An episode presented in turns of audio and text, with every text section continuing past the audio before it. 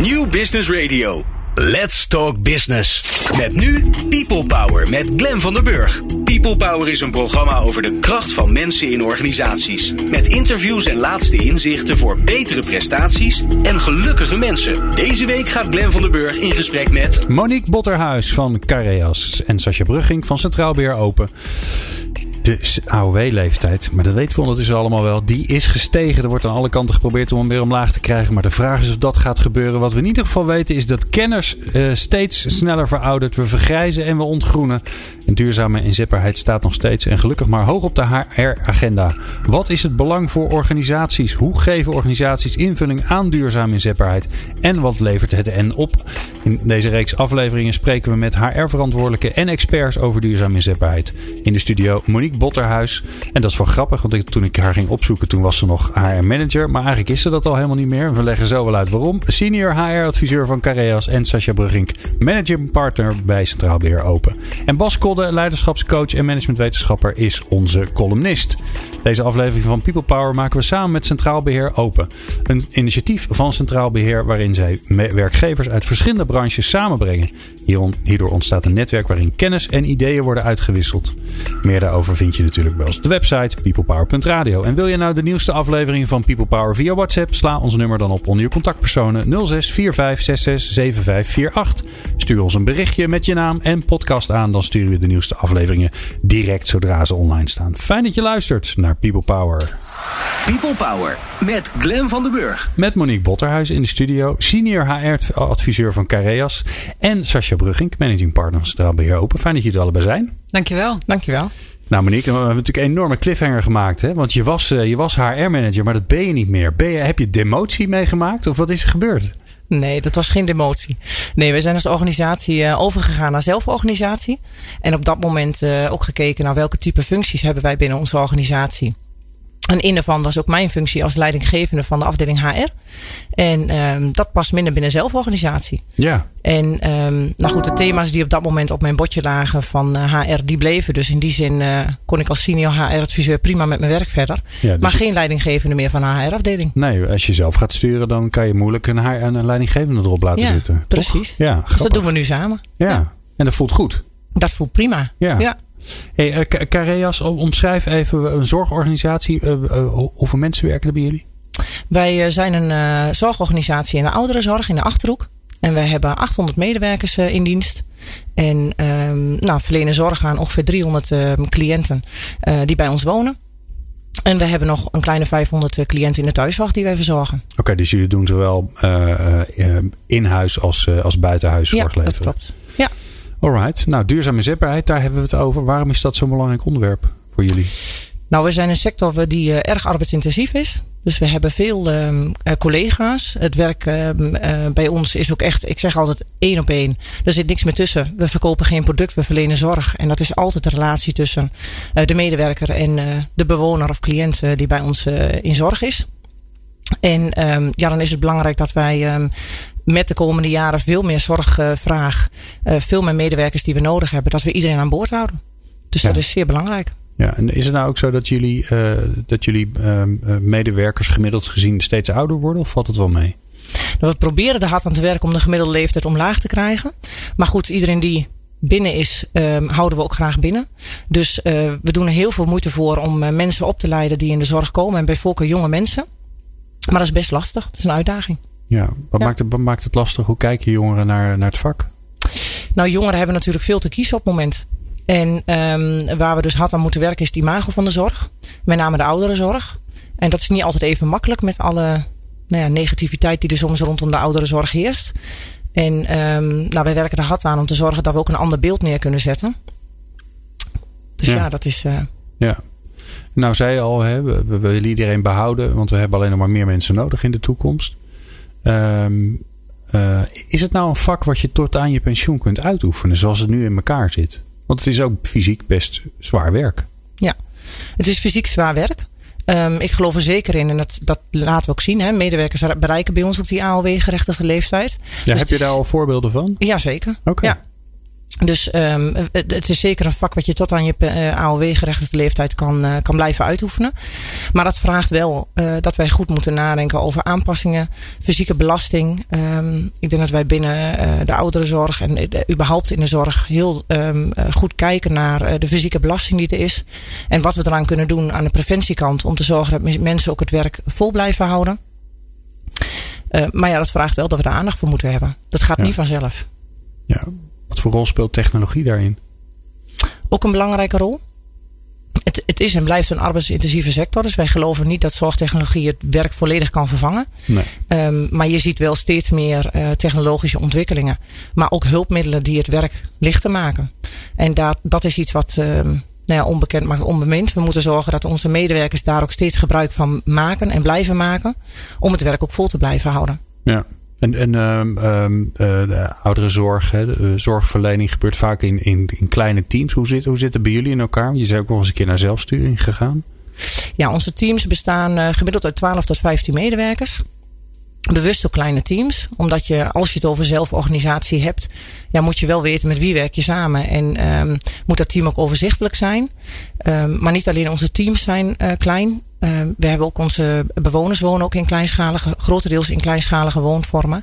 Zodat het, ja, de, de bewoners die bij ons wonen overzichtelijk zijn in een team, maar ook het team zelf van medewerkers overzichtelijk is. Ja, maar dat is ook de, de beweging die gaande is hè, in de ouderenzorg. Veel de, de, de grote huizen waarin veel mensen bij elkaar wonen, dat, ja, dat, die worden zeker niet meer nieuw gebouwd. Daar wordt, wordt toch steeds meer naar wonen zoals je het vroeger gewend was uh, teruggegaan. Maar dat vraagt ook iets van de zorg.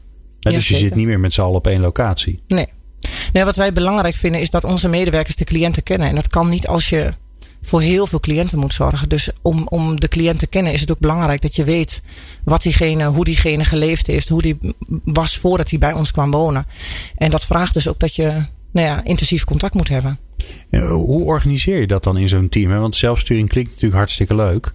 Uh, uh, mensen weten vast wat er moet gebeuren. Maar ik kan me ook voorstellen dat je, uh, dat je als team moet, goed moet kijken van ja, wie doet er dan wat? Wie vindt er dan wat leuk? Blijft er ook werk over wat niemand leuk vindt? En hoe ga je daar dan mee om? Hoe help je ze daarbij? Nou, weet je, de zorg gaat natuurlijk 24 uur per dag, 7 dagen in de week door. Dus, dus, dus het, het, verlenen van zorg is iets wat teams, um, uh, iedereen komt daarmee in aanraking. Wat wij wel zien is dat wij in teams natuurlijk ook taken beleggen die nou, niet zozeer alleen met zorg van doen hebben, maar ook uh, eh, HR-taken bijvoorbeeld. En dan kijken we wel in teams heel erg naar wie heeft daar affiniteit mee, wie vindt dat een leuk onderwerp. En dat is wel vaak meer bij één of twee collega's belegd in een team. Heb je een voorbeeld van zo'n taak? Nou, een van de taken is bijvoorbeeld werving en selectie. Oké, okay, dat um, gebeurt ook vanuit de teams? Ja, dat gebeurt oh, vanuit de teams. Niet helemaal. Dus werving en selectie, we zeggen eigenlijk altijd, we denken met de teams mee als het om het stuk werving gaat. Dus als teams uh, nieuwe collega's zoeken, zorgen wij vanuit HR dat de vacaturetekst klaarkomt. Uh, wij vragen daarin wel input van teams. Maar als het gaat om het daadwerkelijk selecteren, dus het bepalen welke collega komt in ons team, gaan teams daar zelf over. En voeren ze dus ook zelf die selectiegesprekken. Wij ondersteunen daarin wel vanuit HR. Maar um, dat is iets waar teams zelf over gaan. Ze nemen hun eigen collega's aan. Ze nemen hun eigen collega's aan. Ja. ja. Nou, nou zal die verandering van uh, naar zelfsturing niet van de een op de andere dag hebben plaatsgevonden. Nee. Hoe ver ben je in het proces? Nou ja, dat is best lastig om aan te geven. We, we zijn nu uh, ongeveer twee jaar bezig. En je merkt dat, um, uh, dat het een continue ontwikkeling is die in teams plaatsvindt. Het ene moment, ik zei het net ook tegen Sascha, je hebt soms teams waarvan je denkt, nou die doen het supergoed. En um, uh, nou, een paar dagen later, of een ontwikkeling doordat er een zware zorgvraag komt, of doordat ze bijvoorbeeld een wisseling in teams hebben gehad, kan het maar zo zijn dat een team weer op een hele andere manier met elkaar, met elkaar de weg moet zoeken. En um, dus het is niet iets van, oh, een team heeft zich ontwikkeld en is nu klaar voor zelforganisatie. Dat is continu blijven ontwikkelen met elkaar. Ja, het klinkt ook een beetje als een soort tegenstelling. Het is een, het is een team wat zelf stuurt. Mm -hmm. Maar om dat te kunnen, hebben ze ook wel weer heel veel hulp nodig. En begeleiding. En, uh, en dat, uh, dat, klinkt, ja, dat klinkt een soort tegengesteld. Ja.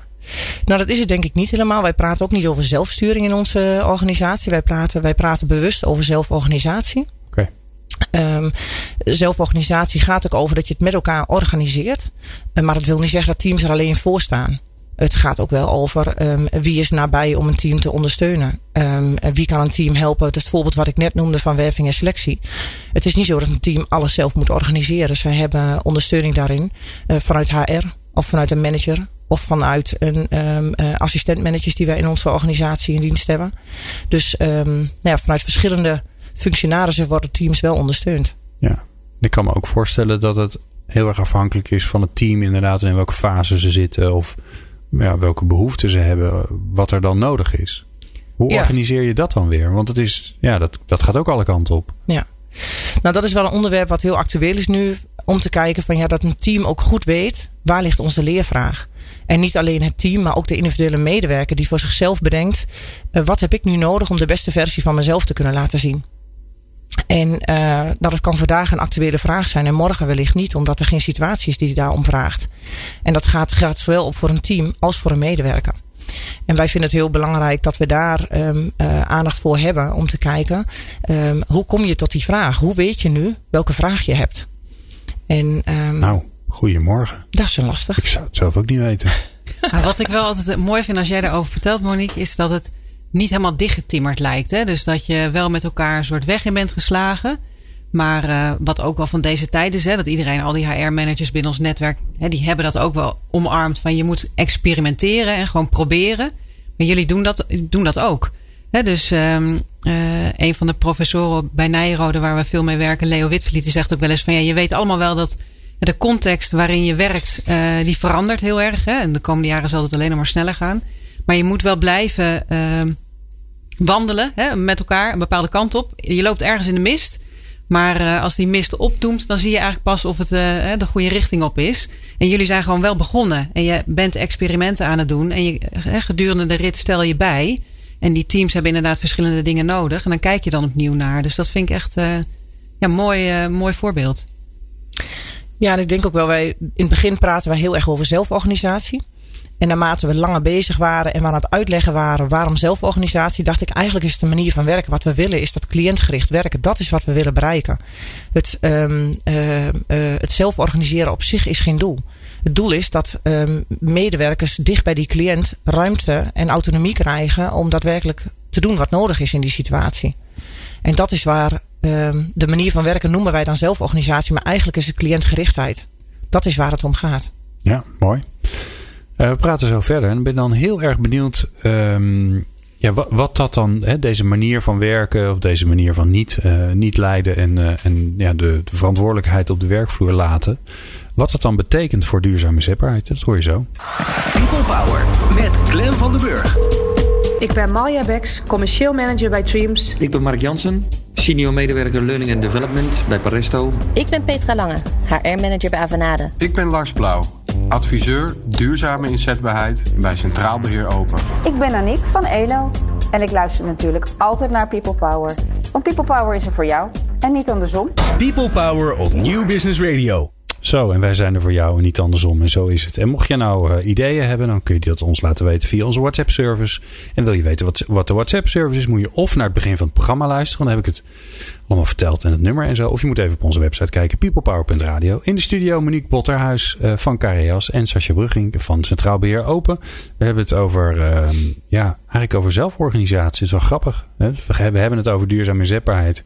Maar eigenlijk hebben we het vooral over zelforganisatie gehad. Mm-hmm. Waar ik nou wel benieuwd naar ben, Monique, is uh, uh, wat die twee met elkaar te maken hebben. Wat doet zelforganisatie met de inzetbaarheid van mensen? Nou, zelforganisatie gaat natuurlijk heel erg over wie ben ik en um, hoe verleen ik zorg. Um, wat heb ik daarvoor nodig? Dat, um, dat gaat over jezelf.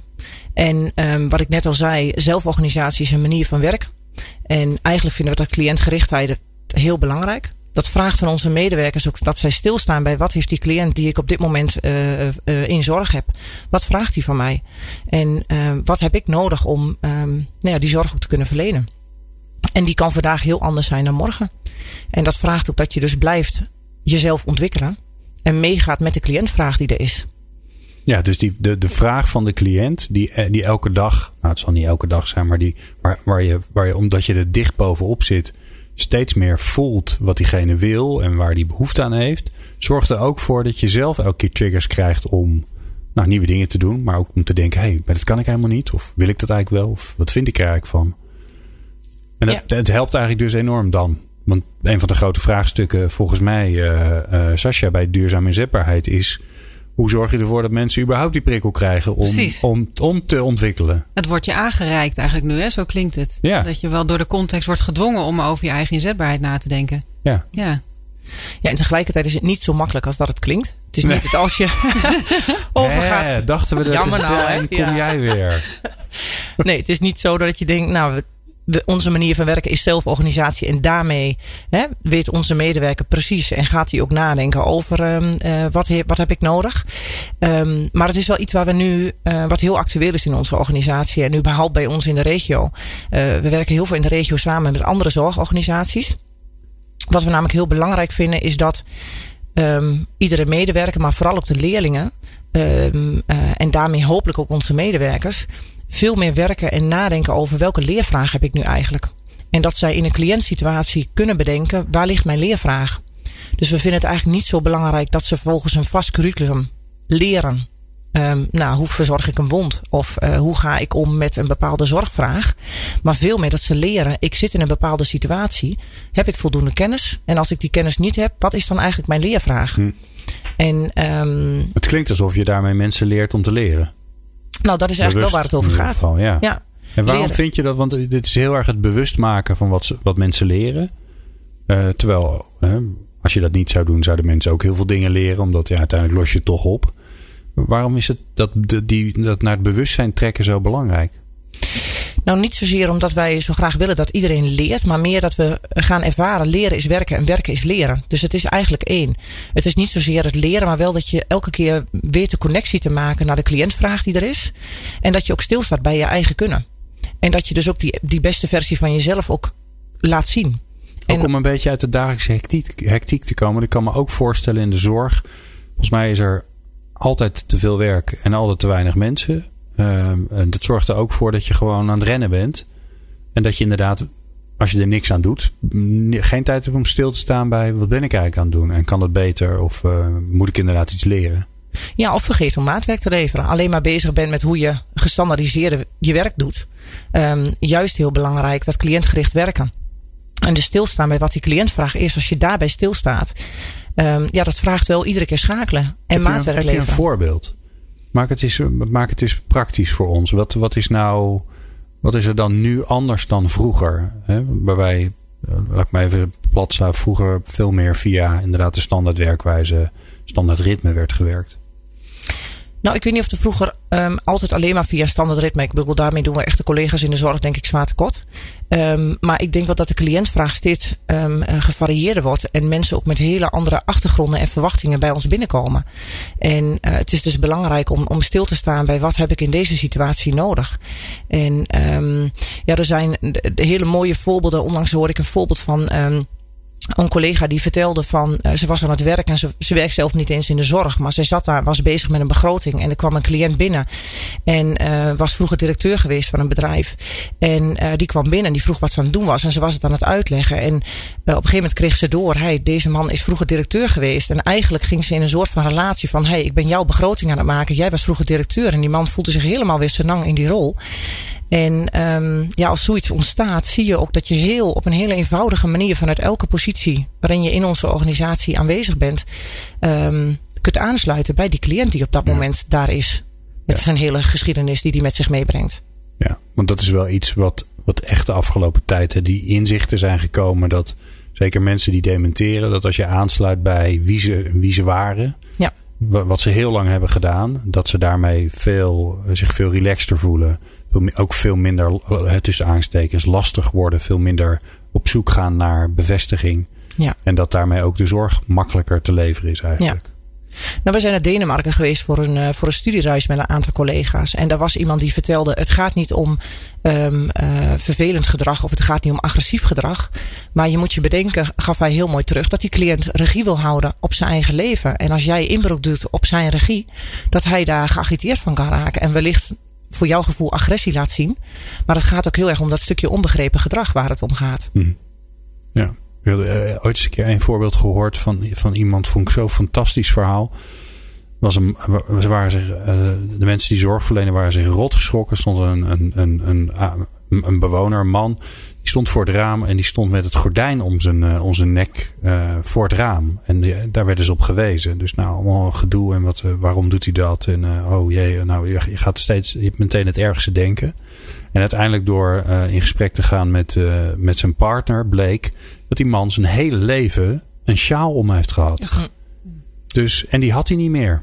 Ja. Dus, ja, dus hij deed, en vervolgens hebben ze hem gewoon een hele zwik van die sjaals voor hem gekocht. En die man weer dolgelukkig. En die was ineens heel veel rustiger geworden. Dat soort. En dat is natuurlijk nooit. Dit is maar een voorbeeld. Maar ik vond het wel ja. briljant hoe zo'n gewoonte eigenlijk. Die er helemaal ingesleten is. De, hoe belangrijk die eigenlijk voor mensen is. Ja. Het zijn dus echt heel eenvoudige dingen. Ja. ja, maar waar het heel lastig is om erachter te komen. Waar Ja. je echt aandacht voor nodig hebt. Ja. ja. Ja. En dus ook dicht tegen die cliënt aan. Ja, Ja. zeker. Je had het over de regionale samenwerking. Ja. Ehm, hoe, hoe ziet dat eruit?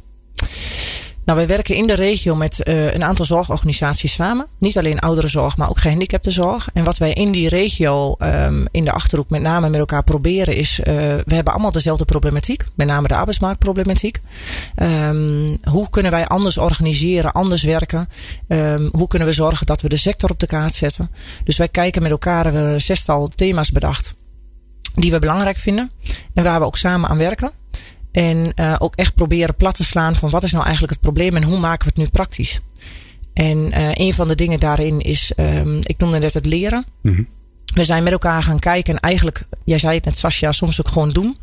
Uh, zijn we met elkaar in samenwerking met, met het Schaapse College, een ROC bij ons in de buurt, gaan kijken hoe kunnen we nou um, um, de leerling dicht bij de werkvloer laten leren dat de leervraag leidend wordt. Dus niet wat van school uit he, gestandaardiseerd aangeboden wordt aan lesmateriaal. Maar dat we echt gaan kijken met welke leervraag komt een leerling nou eigenlijk binnen. Dat we daarop aansturen en dat we heel dicht bij de organisaties, wij noemen dat nu nog wijkleercentra, um, het werk organiseren en ook het leren organiseren. Dus de docenten, leerlingen gaan niet naar school, maar de docent komt naar ons toe.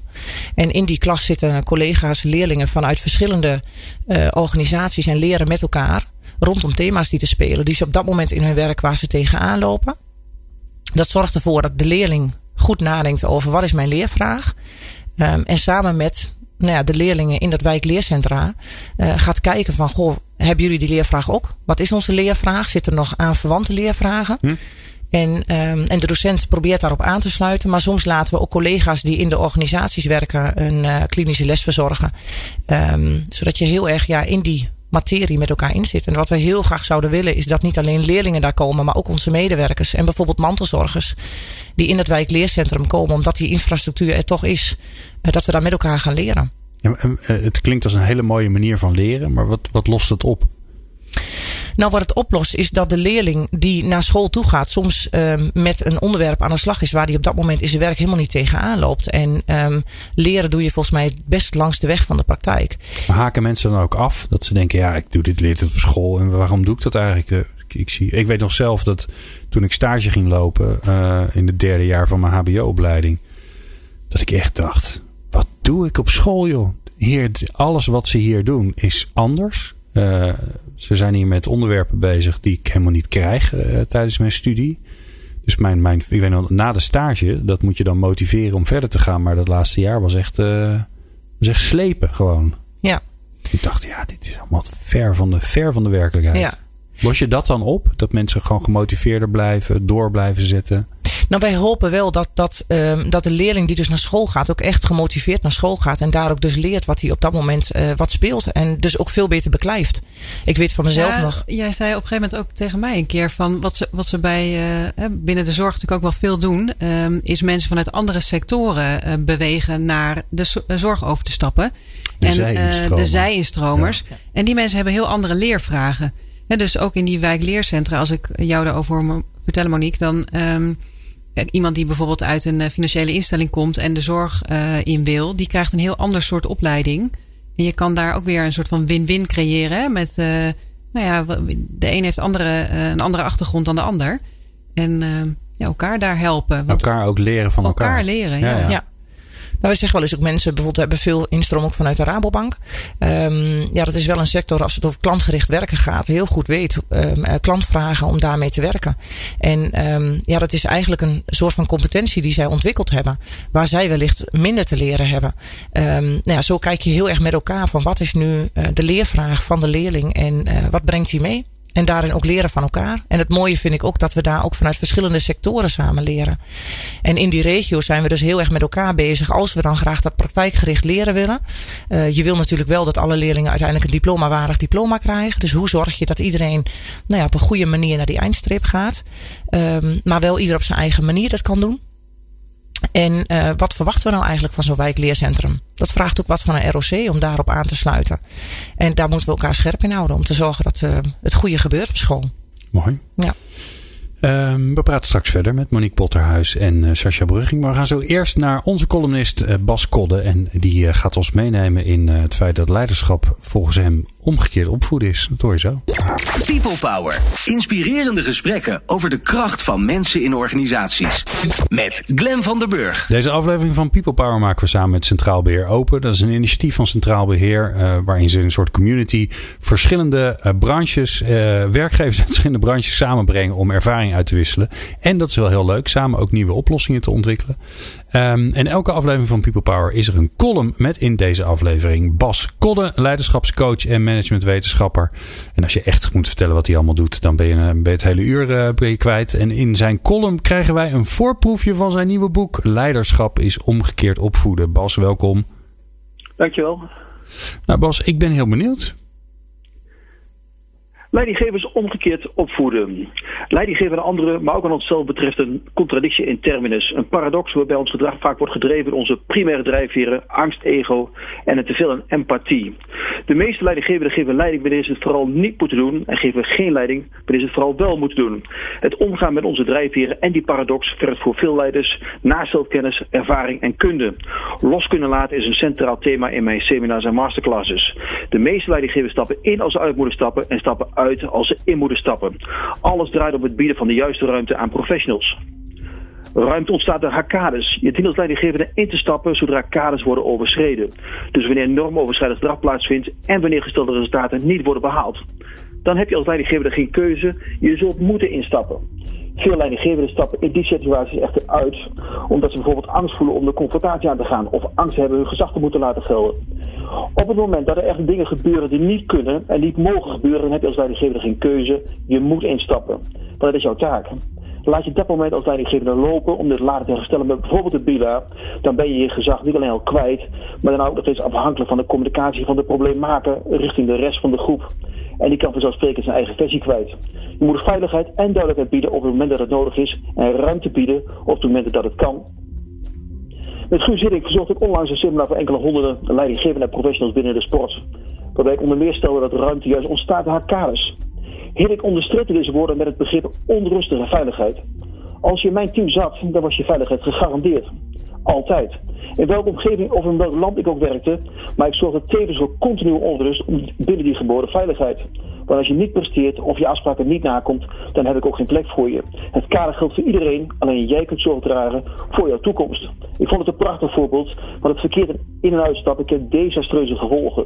De meeste organisaties betreffen te rustige, onveilige omgevingen. Leidinggevers omgekeerd opvoeden. Als je hele jonge kinderen hebt, dan heb je als ouder eigenlijk maar één leiderschapsstijl ter beschikking. De directieve leiderschapsstijl. Simpel gezegd, eet je bord leeg, poets je tanden, ga naar school. Als ze zelf mogen beslissen, gebeurt het vanzelfsprekend niet. Als ze wat ouder zijn, zegt pubers, dan kun je deze leiderschapsstijl als ouder loslaten en de coachende leiderschapsstijl hanteren. Denk eens aan deze studie, deze oplossing, deze richting, maar weet, het is jouw leven, jij moet kiezen. Als je kinderen eenmaal volwassenen zijn, dan kun je opnieuw doorschakelen en dan naar de faciliterende leiderschapsstijl.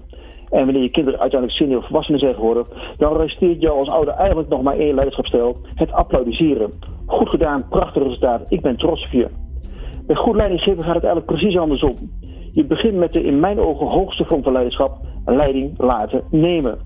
Tegelijkertijd is het natuurlijk de allermoeilijkste vorm van leiderschap. Zeker als je je drijfveer als angst, ego en empathie en de aangehouden paradox in de ogen neemt. De controle uit handen geven en professionals optimaal de ruimte bieden om het talenten te kunnen ontwikkelen, ontplooien en te kunnen ontladen. Maar besef immer, ruimte ontstaat haar kaders. Zodra resultaten tegenvallen, heb je in te stappen. Allereerst door te faciliteren, dan door te coachen, om uiteindelijk geen andere keuze te hebben dan te dirigeren. Maar gebruik deze troefkaarten niet te snel en zeker niet tegelijk. Zo'n 35% van professionals strak bevlogen in een nieuwe baan. Na anderhalf jaar is die bevlogenheid gemiddeld naar slechts 12% gedaald. En die trend versnelt zich.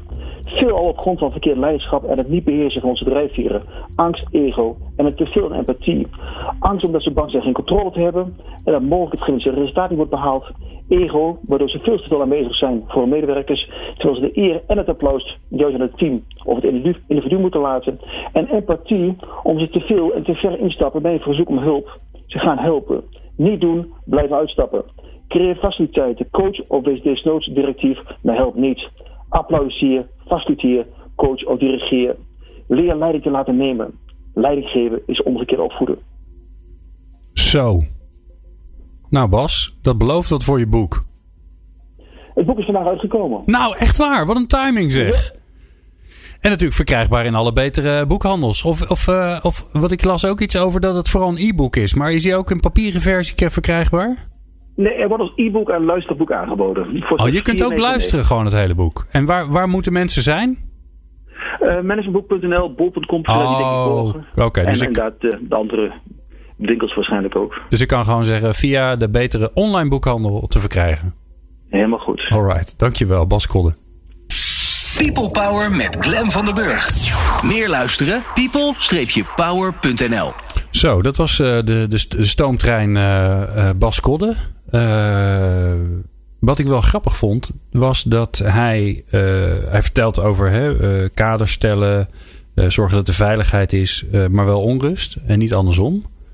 Um, herken je dat, Monique?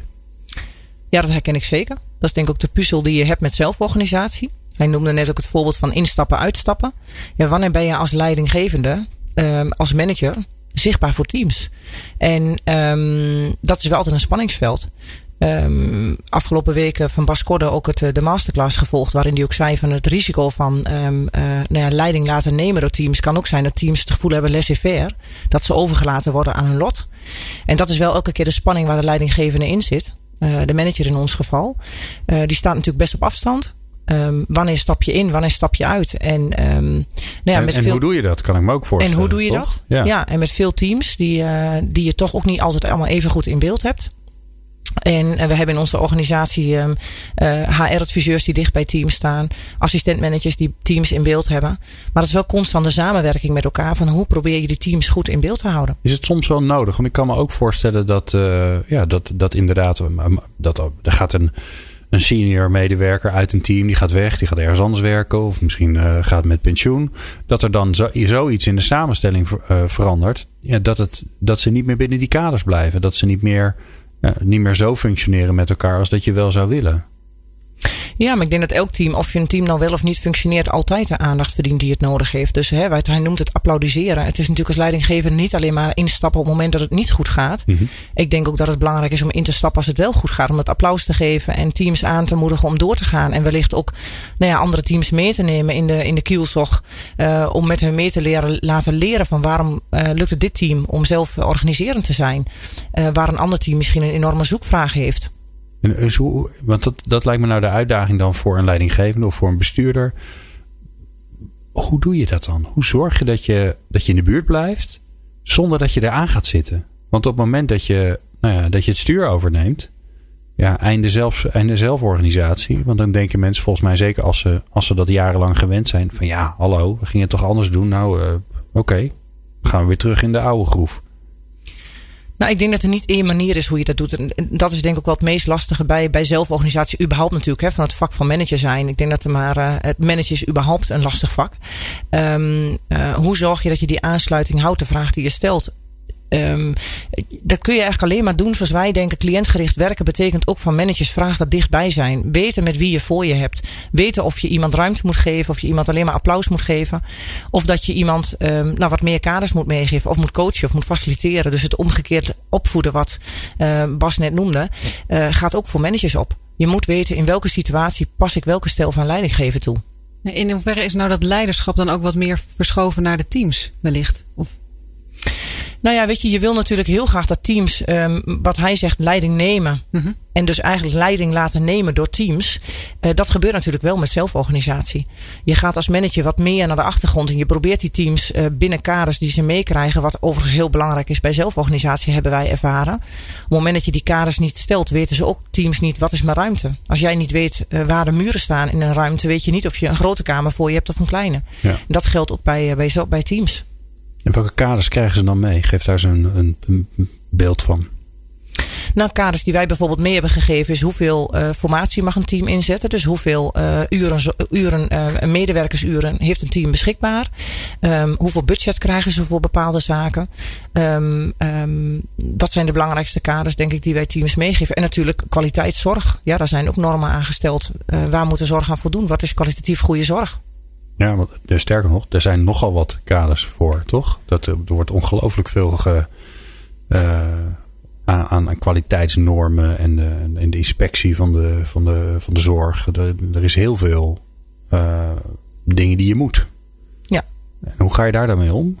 Want ik kan me ook voorstellen dat daar dingen, daar zitten dingen in die elkaar tegenspreken. Er zitten dingen in waarvan je als professional denkt, nou sorry, ik vind het eigenlijk gewoon onzin. Als ik echt goede zorg wil leveren, dan wil ik juist het tegenovergestelde doen. Nou, wij hopen heel erg dat medewerkers, als ze tegen dingen aanlopen waarvan ze zeggen, ja, in de zorg werkt dit niet, dat ze dat ook kenbaar maken. Dus wij zijn ook graag met medewerkers in gesprek. Uh, processen, protocollen die werken. Um, dat ook onze kwaliteitsmedewerker weet waar hebben we het nu eigenlijk over. Uh, ook bij de werkvloer aansluiten om te kijken van ja, wat werkt nu wel en wat werkt nu niet. En Ah, je, wil, je moet kaders meegeven en tegelijkertijd moet je ook oppassen dat je niet, niet te veel voor de teams bepaalt. Hmm. Maar het gaat dan meer over wat er van hen verwacht wordt en niet zozeer de manier waarop ze dat doen. Dat is meer aan het team zelf. Even weer terug naar, eh, naar duurzame inzetbaarheid. Hè? Ik kan me ook voorstellen dat de luisteraar denkt: Goh, we gingen het over duurzame inzetbaarheid hebben. We hebben het alleen maar zelf over zelforganisatie. Wat heel interessant is. Um, als we dat brugje weer terug naar duurzame inzetbaarheid maken, wat, wat is dan eigenlijk de grootste uitdaging waar jullie mee zitten? Nou, ik noemde de arbeidsmarkt. Hè? Dus hoe houden we iedereen aan boord die op dit moment bij ons werkzaam? Je vroeg net uh, de vraag van, goh, red iedereen die AOW-gerechtigde leeftijd? Nou, de, we hebben medewerkers in dienst die over de AOW-gerechtigde leeftijd heen zijn. Dus die mogelijkheden zijn er zeker. Um, maar dat is wel spannend. Hoe houden we uh, de medewerkers uh, die we nu hebben um, binnen onze sector? En hoe zorgen we voor voldoende instroom in ja. onze sector? En hoe groot is de uitdaging die je hebt voor de instroom? Voor mensen om een beetje gevoel bij te krijgen. Want iedereen heeft het over de krapte op de arbeidsmarkt. Maar ja, dat voel je pas als je ook weet nou, hoeveel mensen je tekort komt of, uh, of wat voor gevolgen dat heeft. Nou, ik denk dat de uitdaging met name is om te zorgen dat we met alle andere sectoren die er zijn, die vragen om mensen, dat wij uh, de goede mensen vinden. Um, dus de juiste man op de juiste plek. De juiste vrouw op de juiste plek. Um, en um, die de uitdaging is groot in de zin, we hebben op dit moment wellicht in de achterhoek nog het geluk dat we nou ja, niet heel veel vacatures hebben. We hebben ze uiteraard wel, maar nog niet zo extreem als in de Randstad. Maar goed, we weten ook met z'n allen, vaak loopt de Randstad wat voor op uh, bij ons. Mm. Dus wij proberen daar nu al op te anticiperen. En uh, te zorgen dat wij niet al te grote problemen gaan krijgen in de toekomst. Maar dat wij uitdagingen krijgen, dat weten we zeker. Ja. Nou, en je kijkt ook hè, door die regionale samenwerking aan te gaan wat breder dan de grenzen van je eigen organisatie. Hè? Dus als je het hebt over talent zoeken, dat kan je binnen je organisatie doen. En je kan het van buiten halen. Maar er is ook wel zo'n trend gaande nu, omdat je wel moet. Hè, van talent bezit je niet meer, maar dat deel je. Uh, dus dat je gewoon kijkt naar van wat kunnen we slimmer samen organiseren in de achterhoek of binnen de uh, sector waarin jullie werken. Ja, dat proberen we in onze regio heel erg te doen. Dus uh, samen te werken daar waar kan. En um, um, nou ja, we proberen daarin ook logoloos te denken. Dat je ook echt wel met elkaar uh, nou, die arbeidsmarkt bewerkt. In imago, dat we ook met elkaar opstaan als sector. En eigenlijk maakt het mij niet veel uit voor welke organisatie een medewerker kiest. Als die maar voor de sector zorg en welzijn kiest. Ja, ja. Um, daarmee lossen we met elkaar wel uh, de arbeidsmarktproblematiek op. En ik hoop dan. En wat doe je dan met elkaar? Dus wat onderneem je dan om te zorgen dat je er zichtbaar bent, uh, dat je aantrekkelijk gevonden wordt? Nou, we zijn bezig met een gezamenlijke imagocampagne voor de Achterhoek. Dus um, ook echt um, nou ja, de jongere scholen benaderen. Um, kijken hoe we gezamenlijk de, de zorg en welzijn in de Achterhoek op de kaart kunnen zetten. Uh, ik noemde het voorbeeld van de wijk leercentra. Ook het leren met elkaar. Dat we daar zorgen dat we ook de goede, nou ja, uh, de goede manier van leren doen met elkaar. En ook aansluiten bij wat op dat moment de leervraag is van de, van de leerling. en wat we daarnaast ook proberen te doen is dat we ook echt kijken naar wat heeft de markt op dit moment nodig? Welke mensen zitten daarin en hoe vinden we die mensen? Waarbij we niet uit het oog moeten verliezen dat we natuurlijk allemaal wel uh, identiek of uh, uniek zijn en een eigen identiteit hebben. En uh, ik noemde net van het maakt me eigenlijk niet uit voor welke organisatie een werkzoekende kiest of iemand die in de zorg wil werken. Um, ik vind het vooral belangrijk dat iemand op de plek komt die ook past, zodat ja. we ook het beste rendement met elkaar halen. Is het dan ook zo dat, dat stel je voor, hè, de, er is, een, een vacature bij jullie, jullie nodigen een paar mensen uit, die spreek je. Uh, dat betekent ook dat er een, hè, als je de mazzel hebt dat je meerdere kandidaten vindt, dat er ook een aantal het niet worden help je die dan ook weer om op een andere plek terecht te komen? Dat je weet, oh ja, maar ik weet nog bij die, bij die gehandicaptenzorginstelling, daar, daar zoeken ze ook mensen. Zouden deze, deze persoon eigenlijk prima passen? Dat gebeurt nu denk ik nog te weinig. Uh, ik merk wel dat uh, de vraag steeds meer komt om bijvoorbeeld de werving van onze leerlingen. Uh, ik ben er vanaf het begin voorstander van geweest om te zeggen: als we BBL-plekken, opleidingsplekken beschikbaar hebben, waarom doen we het niet samen? Want iemand die graag in een opleiding wil, solliciteert nu op drie of vier plekken en kan maar op één plek aangenomen worden. Um, ja, waarom doen we dat niet samen? Als wij zeggen we hebben 80 opleidingsplekken in de achterhoek, vind ik dat mooier klinken dan we hebben 10 organisaties met allemaal een paar plekken en zoek als werkzoekende maar. Ja. ja waar, wat, wat, is nu mijn beste plek? Het liefst zou ik willen dat we samen werven en zelfs ook samen opleiden. Dat iemand ook tijdens zijn opleiding de verschillende organisaties ziet en ook ervaart wat het beste bij hem of haar past. Um, maar dat je ook met, met bijvoorbeeld als het gaat om uitstroom als een medewerker bij ons niet op zijn plek is, dat we ook met elkaar kunnen kijken. Nou, wellicht past die organisatie beter en kunnen we over en weer uitwisselen met medewerkers. Zodat iemand ook kan kijken, is dat gras nu ook echt groener bij de buren? Ja, de beste ambassadeur voor je organisatie heeft een keer ergens anders gewerkt en is teruggekomen. Ja. Ja. ja dat en moet je eigenlijk gewoon organiseren. Ja, ja, medewerkers komen ook, gaan ook, maar komen ook weer terug. En dat vind ik helemaal niet erg. Dat is prima. Dat is volgens mij heel gezond. Alleen het mooie is wel dat als we daar gebruik van gaan maken. door ook die medewerker die weggaat of juist terugkomt. ook uh, wat heb je nu geleerd en wat kunnen wij daar weer met elkaar van leren? Dat je dat ook uitnut. Ja, dan ga je ook uitstroom niet meer als nadeel zien, maar kun je daar ook de voordelen van zien. Nou, zeker. Als je, want jouw uitstroom is instromen voor iemand anders. En andersom. Nou ja, dat hoop ik in ieder geval. Want dat betekent dat ze niet uitstromen naar een andere branche. Uh, maar daar waar ze dus in de branche blijven. Als we dat meer met elkaar gaan uitnutten. En ook daadwerkelijk uh, nou ja, gaan leren met elkaar van die doorstroom die er uh, plaatsvindt. Um, ja, volgens mij is dat een heel mooi. Dan is uitstroom niet meer per definitie negatief. Maar kan dat ook heel positief zijn. Ja. Sascha, een beetje gewetensvraag aan het einde van het programma. Maar de, voor mij is dat wel een mooie afsluiting. Waarom heb je Monique uitgenodigd? Ja, nou, wat ik heel mooi vind aan uh, Careas, maar ook wel aan Monique, want die spreek ik eigenlijk natuurlijk vaak uh, over uh, haar eigen organisatie, is dat zij de, de bestaande patronen wat proberen te doorbreken. Dus het zijn eigenlijk natuurlijk gewoon concurrenten waarmee jullie samenwerken in de regio. Maar je kijkt niet vanuit, nou dan is het een concurrent, maar we willen iemand behouden voor de sector. Dus dat probeer je te doorbreken. Je bent met die zelforganisatie begonnen. Niet van dit is een standaard format, maar gewoon een weg ingeslagen en je past dat onderweg aan. Dus ik, ja, dat, dat experimentele en gewoon dingen proberen. En het ging voorheen op een andere manier wellicht. En we gaan het nu toch anders doen. Ja, dat vind ik heel gaaf. Uh, dus daar werd ik wel enthousiast van. Denk, ja, ja. Dat zou, ja, ik denk dat dat wel de manier is van in deze tijd omgaan met inzetbaarheid. Uh, en samen die vraagstukken op de arbeidsmarkt oplossen. Ja, wat ik zelf wel mooi vind om te horen. Uh, maar dat, dat pad ga je dan op als je het gesprek ingaat. Is dat een, een belangrijke uh, als we het hebben over duurzame inzetbaarheid, gaat het heel vaak over uh, hoe gaan we ervoor zorgen dat mensen uh, vitaler gaan leven. Dat ze, dat ze zichzelf blijven ontwikkelen. En dan gaan we allemaal dingen verzinnen die bovenop alles wat we aan het doen zijn komen. Hè. Je gaat naar de sportschool of, of je gaat naar een cursus of je gaat met een coach aan de slag. En wat ik zo mooi vind aan jouw verhaal is dat door de manier, doordat jullie anders zijn gaan organiseren maak je misschien wel de grootste sprong die je kunt maken in, in, uh, in duurzame inzetbaarheid. Omdat, omdat mensen elke dag prikkels krijgen dat dingen eigenlijk wel anders kunnen en mogen. En daarnaast organiseer je ook nog eens een keer dat ze daar uh, over nadenken. Ja, bij veranderen is het heel makkelijk. Om, of makkelijk, hè? het helpt heel erg, laat ik het zo zeggen. Als de context anders is. En dat bedoel je denk ik ook, Glenn, dat je dat helemaal ja, je hebt gewoon een totaal andere context nu waarin je werkt. Ja, nou ja, en, en, die inzetbaarheid zit in, in, in de manier waarop je werkt opgesloten. Ik heb ooit eens een keer in mijn, in mijn tweede boek geschreven. Eigenlijk zou iedereen in een organisatie altijd klantcontact moeten hebben. Al is het maar één keer per jaar. Om een gevoel te krijgen bij, oké, wat, wat gebeurt daar nou? want als je, want daar, daar zie je toch de eerste tekenen van verandering. Zitten we op, op, ja, bij die klant die zegt, ja, maar ik wil vandaag wil ik wat anders dan gisteren. En daar moeten we de organisatie op gaan inrichten. Nou, wat ik wel mooi vind, we hebben in de zomerperiode natuurlijk altijd ook een enorme uitdaging om de roosters rond te krijgen. En uh, wat wij in onze organisatie proberen, dat iedereen die maar enigszins een zorgachtergrond heeft, op zo'n moment ook nou ja, een steentje bijdraagt in de zorg. En um, uh, onze besturen, maar ook managers met een zorgachtergrond draaien op dat moment ook diensten in de zorg. En ik denk dat, uh, ik vond het mooi in ons laatste jaarverslag, waarin onze bestuur ook eigenlijk zegt, dat is misschien wel een van de mooiste momenten van mijn, als het gaat om werkplezier, het afgelopen jaar. Dat je gewoon ook ervaart, waarvoor doen we het nou eigenlijk? En dat is ook soms een stukje uit je eigen comfortzone stappen. Um, en dan dus ervaren van ja, wat vraagt dit nou eigenlijk? En wat doen we het met z'n allen eigenlijk voor? En dat is toch wel die cliënt die uh, bij ons Zeker. woont of in de zorg is. Ja, en waar jullie dan nog eens een keer ongelooflijk belangrijke maatschappelijke bijdrage leveren. In het laatste gedeelte van het jaar van het, van het leven van mensen. Ja.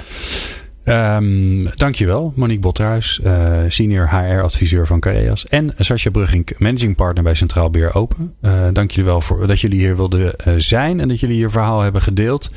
Um, in de volgende aflevering van People Power, en die komt volgende week, hebben we weer People Power Change met Jeroen Buescher. En die gaat in gesprek met Christian de Vries van Engaging Dynamics. En hij is ook auteur van het boek Dynamisch Verbinden. En dat allemaal hoort je weer in de volgende aflevering van People Power. Kun je niet wachten? Dan kun je nog 235 afleveringen volgens mij luisteren via peoplepower.radio. Meepraten of meer programma's? people-power.nl